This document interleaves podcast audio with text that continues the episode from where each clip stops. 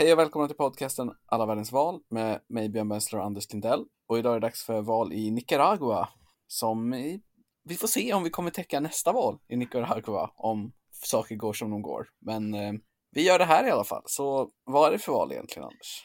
Ja, precis. Det är ju alltid en eh, avvägning för oss om man om, varje gång det är ett val där utgången eh, inte är oviss och så är det ju inte här. Men eh, vi gör dem ändå och det finns ju ofta en intressant historia att berätta även om de valen. Men det är alltså det är eh, val både till Nicaraguas president och till eh, parlamentet, nationalförsamlingen i Nicaragua, nu den 7 eh, november. Så det är ett supervalår, men det är varje år. Det är alltid igång, precis. Det tycker jag, vad, vad, tycker du om det? Nej, jag, det känns orent på något sätt. Trots att det är rent så känns det orent med, fyra, med fem år till varje då. Utan eh, man vill ha fyra plus fem tycker jag. Det är snyggare. Ja, men så blir det ett supervalår var 20. Jag tycker om det. ja, men så är det inte här då, utan både eh, nationalförsamlingen och presidenten väljs på fem års. Jag kanske ska nämna det hur, det, hur det funkar lite grann först, ja, så kan vi gå in på Nicaragua är då, man kan säga först, det är ett litet land i Centralamerika. Det vet nog de flesta. Det är inte så lite som man tror. Det är typ en, lite drygt en tredjedel av Sverige, så typ lika stort som Grekland. Och det ligger ju mm, granne med eh, Costa Rica. Och eh, Guatemala va?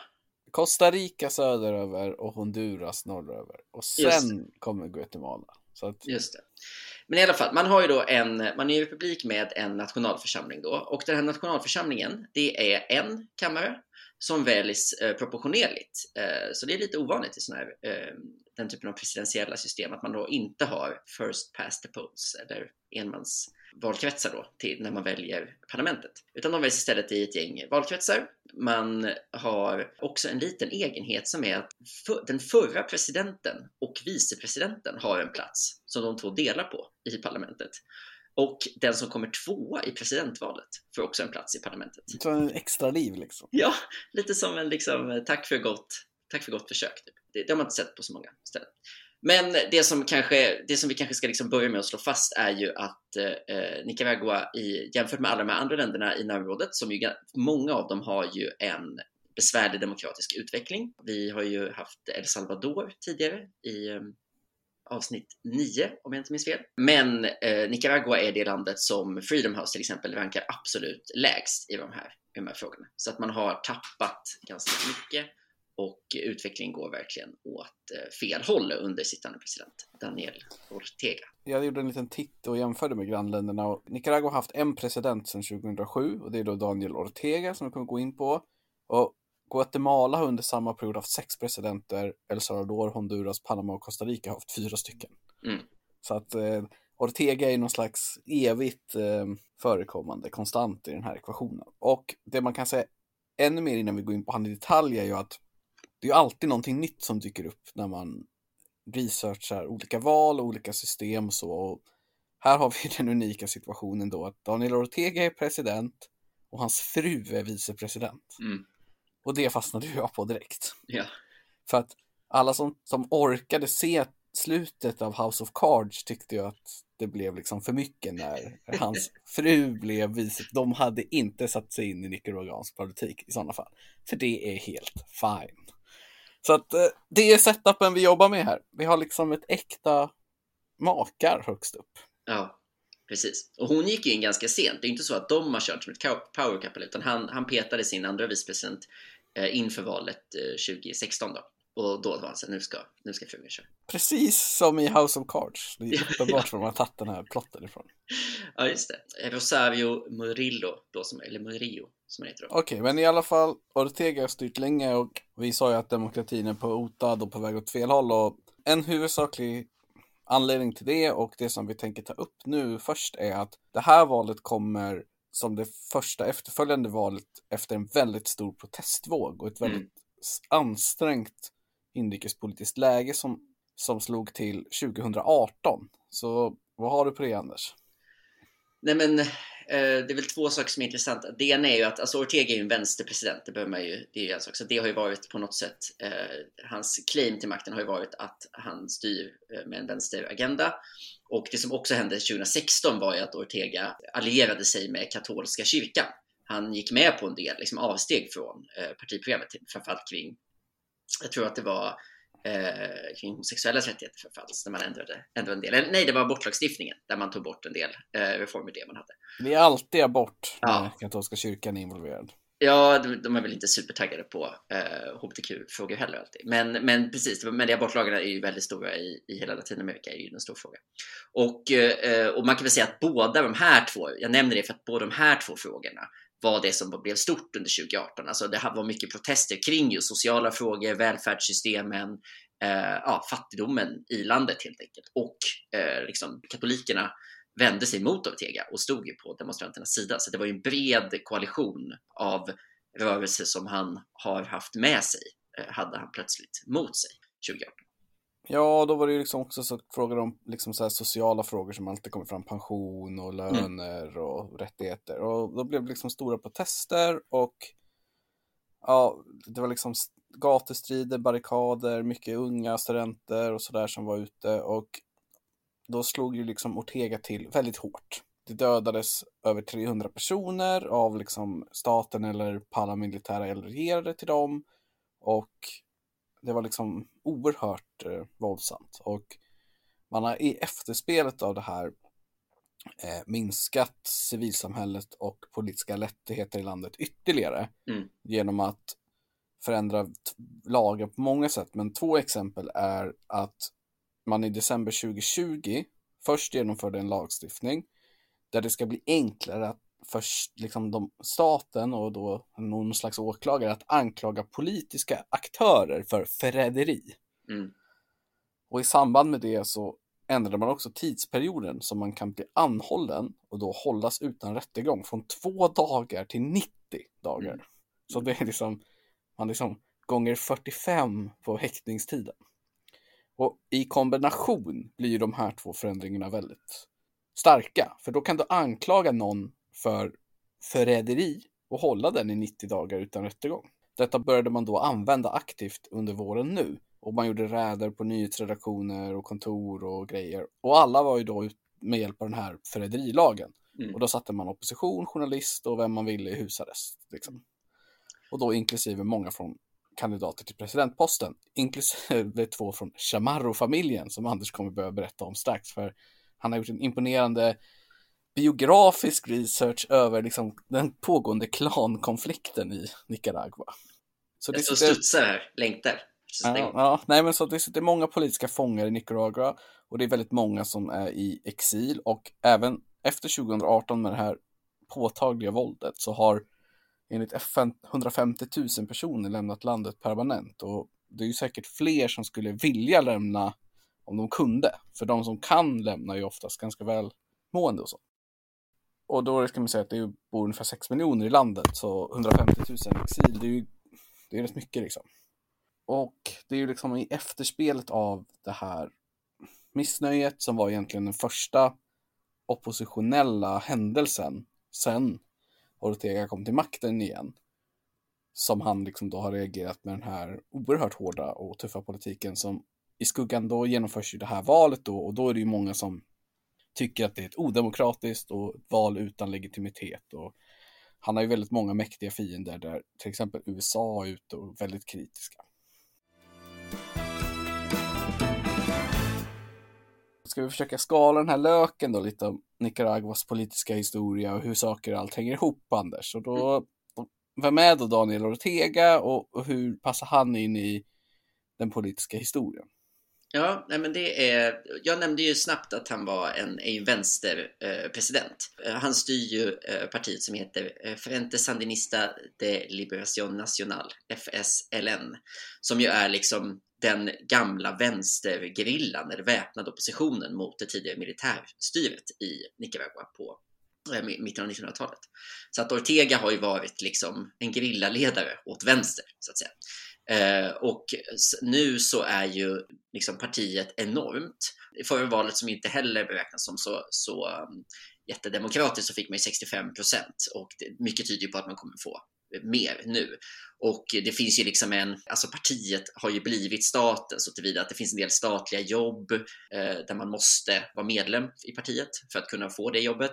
Eh, man har också gått in och liksom avsatt partiledare i andra partier från liksom motsvarande valdomstolen eller valmyndigheten. Ska säga. Så det är liksom en, man använder ju staten väldigt mycket för partiets vinning just nu, så så pass dominerande är det. Men så har vi inte alltid eh, varit, utan eh, Nicaragua har ju en, precis som hela Centralamerika, en tradition av att vara väldigt, väldigt kontrollerat av USA. Liksom. Och det, om vi ska börja någonstans Känns det okej? Okay? Ska vi börja i liksom typ tidigt 1900-tal? Liksom? Då har man varit självständigt ungefär 50 år, va? Det är självständigt mitten på...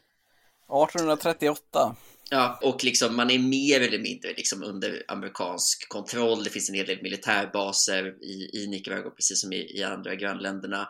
Och den, eh, liksom, den politiska eliten behöver ju vara väldigt vänligt inställd till USA. Framförallt efter 1912 till 1930-talet. Då är den amerikanska närvaron väldigt stark. Innan dess så, ja, det var väl den viktigaste grannlandet, men kanske inte riktigt. De var inte där och ockuperade innan dess. Nej, just Under, eh, 1900, eh, under den här perioden då så är, så är det väldigt många från eh, det som du lovade att jag skulle dra en historia nämligen eh, Chamorro-familjen. Som ju då är liksom någon slags aristokratfamilj eh, där liksom väldigt, väldigt många, jag tror sex presidenter på, eller fem presidenter på liksom 20 år kommer från de här. Och det är liksom olika Chamorro-kusiner som från den här konservativa familjen som, som delar på presidentposten fram och tillbaka. Sen så eh, blir det liksom någon slags maktkamp från eh, andra rörelser. Det som, det som dyker upp då är en annan, också lite liksom, vad ska man säga, USA-vänlig och konservativ kraft som ju är eh, en annan familj så att säga. Somoza va? Somoza, exakt. Somoza-familjen eh, har då någon slags liksom, eh, maktkamp med de här sandinisterna Alltså Augusto Cesar Sandino som är liksom en motståndsman, en sån liksom bondeupprorsledare. Eh, och... Man kan säga så här, Somoza-dynastin styr ju Nicaragua från 1930-talet till 1979 när de försvinner från makten. Och att sandinisterna tar ju då som en rörelse växer ju fram på liksom 60-talet någon gång. Ja, men sandinisterna är inte, det som är intressant är att Sandino var liksom en, han startade inte sandinisterna, utan han var en motståndsman på liksom eh, 30-talet som förråddes och dödades av Somoza. Och sen när den här nya frihetsrörelsen startade så tog man namnet Sandino för att man ville... Som liksom... en tribute typ? Ja, eller som ett eh, renommésnyltande, eller vad man vill. Men, men precis som du säger då, den rörelsen växte fram, sandinisterna eh, växte fram som en motståndsrörelse på 60-talet. Det är där Daniel Ortega går med. Och det är liksom stökigt, man har en militärdiktatur under de här Somoza som ju också är en familj då, därför att eh, det är först pappa som tar över, sen storbror, sen lillebror. Och 1978 så börjar det liksom kulminera. Och det som händer då är att eh, Chamorro-familjen då, de här gamla USA-stödda eh, stofilerna som, hade, som delade på presidentposten inom, eh, inom familjen Mick och sådär. De har istället för att ha en politisk karriär så har de blivit liksom tidningsmagnater. Så att den största och liksom eh, proffsigaste tidningen heter eh, La Prensa, vilket betyder pressen bara, tror jag. Och, eh, är liksom, och styrs då av pappa Chamorro i, i det här läget. Eh, han, eh, när han dör går den i arv till hans ena son som styr med sin bror. Så att de har det är två bröder som liksom styr den här. Eh, han, sonen som då äger den här tidningen, de blir mer och mer kritiska mot, mot militärdiktaturen vilket gör att han till slut liksom eh, dödas. Och det blir liksom kulmen på, eller det, det, blir liksom gnistan för det här upproret. En av dem kanske man ska säga. Men det är liksom en, så att man kan säga att eh, Chamorro-familjen vrids liksom och blir mer och mer kritisk tills, tills de plötsligt står på samma sida som de här vänsterrevoltörerna i sandinisterna. Ja, intressant. Det hade jag missat helt. Ja, men, och, och då är vi framme vid, vid 79. Sandinisterna störtar de här Somoza och tar över makten. Ja, vänstergrillan helt enkelt. Då, Exakt. Och den här tidningen då är, blir liksom deras nya, där han, han har blivit dödad, deras, deras chefredaktör, hans fru, eh, Violetta Chamorro. Hon går då in i någon slags, liksom stöttar den nya regeringen och är så ah, det här, nu bygger vi landet. Så att hon blir, liksom, blir pro-regering efter att de har bytt regering. Men efter bara två år så blir hon, så blir hon liksom skeptisk och säger nej, men det här utvecklingen går åt fel håll och blir återigen så att tidningen återgår till att ha en, en liksom oppositionell roll. Och då blir hennes svåger, då, den här dödade chefredaktörens bror, han blir så arg så han lämnar. Så att där uppstår en splittring i familjen Chamorro som vi ser än idag, vad jag förstår. Där liksom han går och startar en ny tidning. Så att man äger liksom, i mitten på 80-talet så äger Chamorro-familjen både den eh, regeringstrogna tidningen och den oppositionella tidningen. Det är under 80-talet då så stödjer då USA de nya gerillarörelserna till höger då som ja ha tillbaka hur det var förut. Och det är den här kända Iran-Contras-affären som blir en våt filt över Reagan-administrationen händer. Och det är ju politiskt känt i väst bara för att det har med USA att göra. Nicaragua-aspekten är ju ointressant. Ja, men, men det var ju en viktig del för Reagan att, att uh, förhindra demokratiskt valda vänsterledare i Latinamerika. För det är ju något val där, 84 va? Eller 85? Ja, precis. 85 Som... så har man val och då blir då Daniel Ortega vald till president. Det valet har inte liksom, det har inte omgärdats av bara liksom, eh, medaljer och diplom för sin demokratiska status. Nej, men, men Reagan tyckte det var odemokratiskt, eller hur? Ja, men jag tror att det finns en del andra som också tyckte det. Men, men, eh, men det finns liksom, ska man vara, de som försöker vara schyssta mot sandinisterna i det här läget säger att jo, men de ville ha en demokrati. Det var bara att det var lite svårt när man hela tiden också blev angripen. Det är nog mer demokratiskt än valet han har nu. ja, vi ska komma tillbaka till nutid, men det som är intressant då är att 90 eh, så ska man då ha val och då utlyser Ortega ett val som, som är mer demokratiskt. Och motkandidaten då blir Violetta Chamorro, den här gamla tidningsägaren. Så att då här kommer Chamorro-familjen tillbaka in. Och hon har bakom sig liksom en enorm, liksom hon lyckas få en superbred koalition med från allting från höger till liksom kommunisterna som inte heller känner sig så bra behandlade Anti-Ortega kan vi kalla det. Exakt. Eh, och hon vinner och har makten i, eh, i fem år sedan. Eh, och det är väl liksom stökigt och svårt och, och liksom, de gör det ganska obekväma och, och impopulära ekonomiska reformer. Och Violetta avgår liksom efter, efter en mandatperiod. Men det kommer, det är två efterföljande mandatperioder där liksom ett, ett annat stort parti bakom henne eh, är det de som har makten. Så att det dröjer alltså fram tills 2007. Eh, det är 15 år helt enkelt innan eh, Ortega, Ortega kommer, kommer tillbaka till makten ja. och så sitter han på den nu och har inte lämnat den. Precis. Och då, då borde det logiska vara att det är någon Chamorro som utmanar nu. Men så är det ju då inte Anders, utan Ja, det är faktiskt, man kan säga att eh, en av Violettas, eh, det började med den här splittringen som jag sa, har ju funnits i Chamorro-familjen, så att två av hennes barn var eh, på eh, sandinisternas sida och två har varit oppositionella. Men nu tror jag att alla på något sätt eh, har gått över och är emot. Eh, för de som har varit på sandinisternas sida har framförallt varit att de har jobbat på deras liksom, partitidning, men den tror jag även den har stängts ner nu. Liksom. Eh, så att Christiana Chamorro var presidentkandidat i, i våras, men fängslades i juni i år. Så att, eh... Ihop med många andra. Men då fanns det ju Chamorros på valsedeln. Exakt, så det har funnits en... Ah, Okej, okay, men då, då missade jag det. Ja, nej, men då är det ju dynamiken tillbaka. Precis, den är tillbaka. Eh, och det andra stora, förutom de här eh, sandinistfronten då, eh, så är ju det, det näst största partiet är de som hade presidentposten efter Chamorros, eh, som ju heter eh, liksom konstitutionella liberala partiet. Partido, Partido Liberal Constitucionali. Det var min spansk Konstitutionalista. Eh, precis, PLC. De har 15 procent idag, men är liksom det stora, vad ska man säga, det stora högerpartiet eh, traditionellt sett. Eller hur? Sen är det typ av små partier. Ja, sen är det ett gäng 5 och 6 procentiga partier som också står till höger. Man kan säga att all, hela oppositionen är eh, högerpartier, liksom under 5 procent. Plus ett parti som heter Yatama som är liksom ehm, eh, ursprungsbefolkningens parti. Men det är en ganska liten grupp i, i Nicaragua så det är liksom inte, de får inte med sig supermycket röster.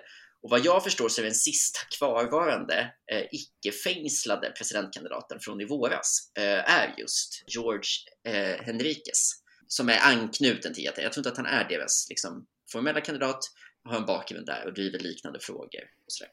Det är väl kanske det partiet som är minsta hotet på något sätt för att de är ju liksom ett indigenous party.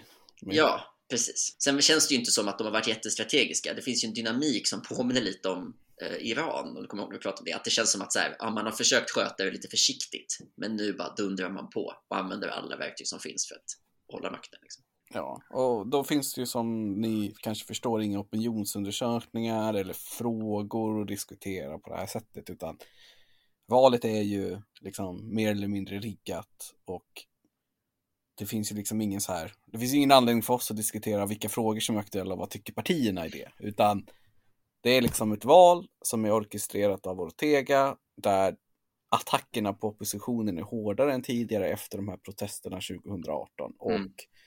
det här är inget val faktiskt, det kan man nog fastslå. Eh, och så, men, man, men däremot så kan man ju anta lite så som du nämnde, liksom, det finns ju de här stora välfärdsfrågorna som uppenbarligen är stora i befolkningen. Abortfrågan uppenbarligen så pass stor att den kunde, den kunde köpa Ortega stor del av makten sist och sådär. Så att det finns ju en del, man märker ju eh, vad som bubblar egentligen. Men det finns ju inget, det verkar inte som att eh, valdemokratin är ett sätt för de frågorna att lösa sig i Nicaragua. Nej, och så blir det ju en oklar framtid för landet. En väldigt gammal ledare, en befolkning som typ flyttar eller flytt, tar sig till andra länder. Så att det är så här, man, man får inte en positiv bild av Nicaraguas kommande år när man läste på inför det här. Nej, verkligen inte. Och, och just det här med att, alltså vi pratade om eh, vad som händer i, i El Salvador som ju också har en, en, en eh, besvärlig demokratisk utveckling, men där handlar det ju väldigt mycket om en ledare som gör allt han kan. Liksom. Här märker man ju att FSLN har ju, har ju tagit över så mycket av, av staten. Liksom. Att liksom skillnaden mellan parti och stat är ju mindre och mindre och mindre hela tiden. Även efter att Ortega, som ju är 75 i år, så han är inte eh, liksom, han kan ju ha tio år kvar. Liksom. ja, det, han kan ha några år kvar i alla fall. Är, han är ju han är inte, han är inte den äldste som har försökt bli vald i den här podden.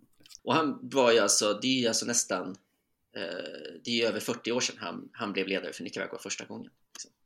Men sen hade han en liten paus där i 15 år. Ja, precis.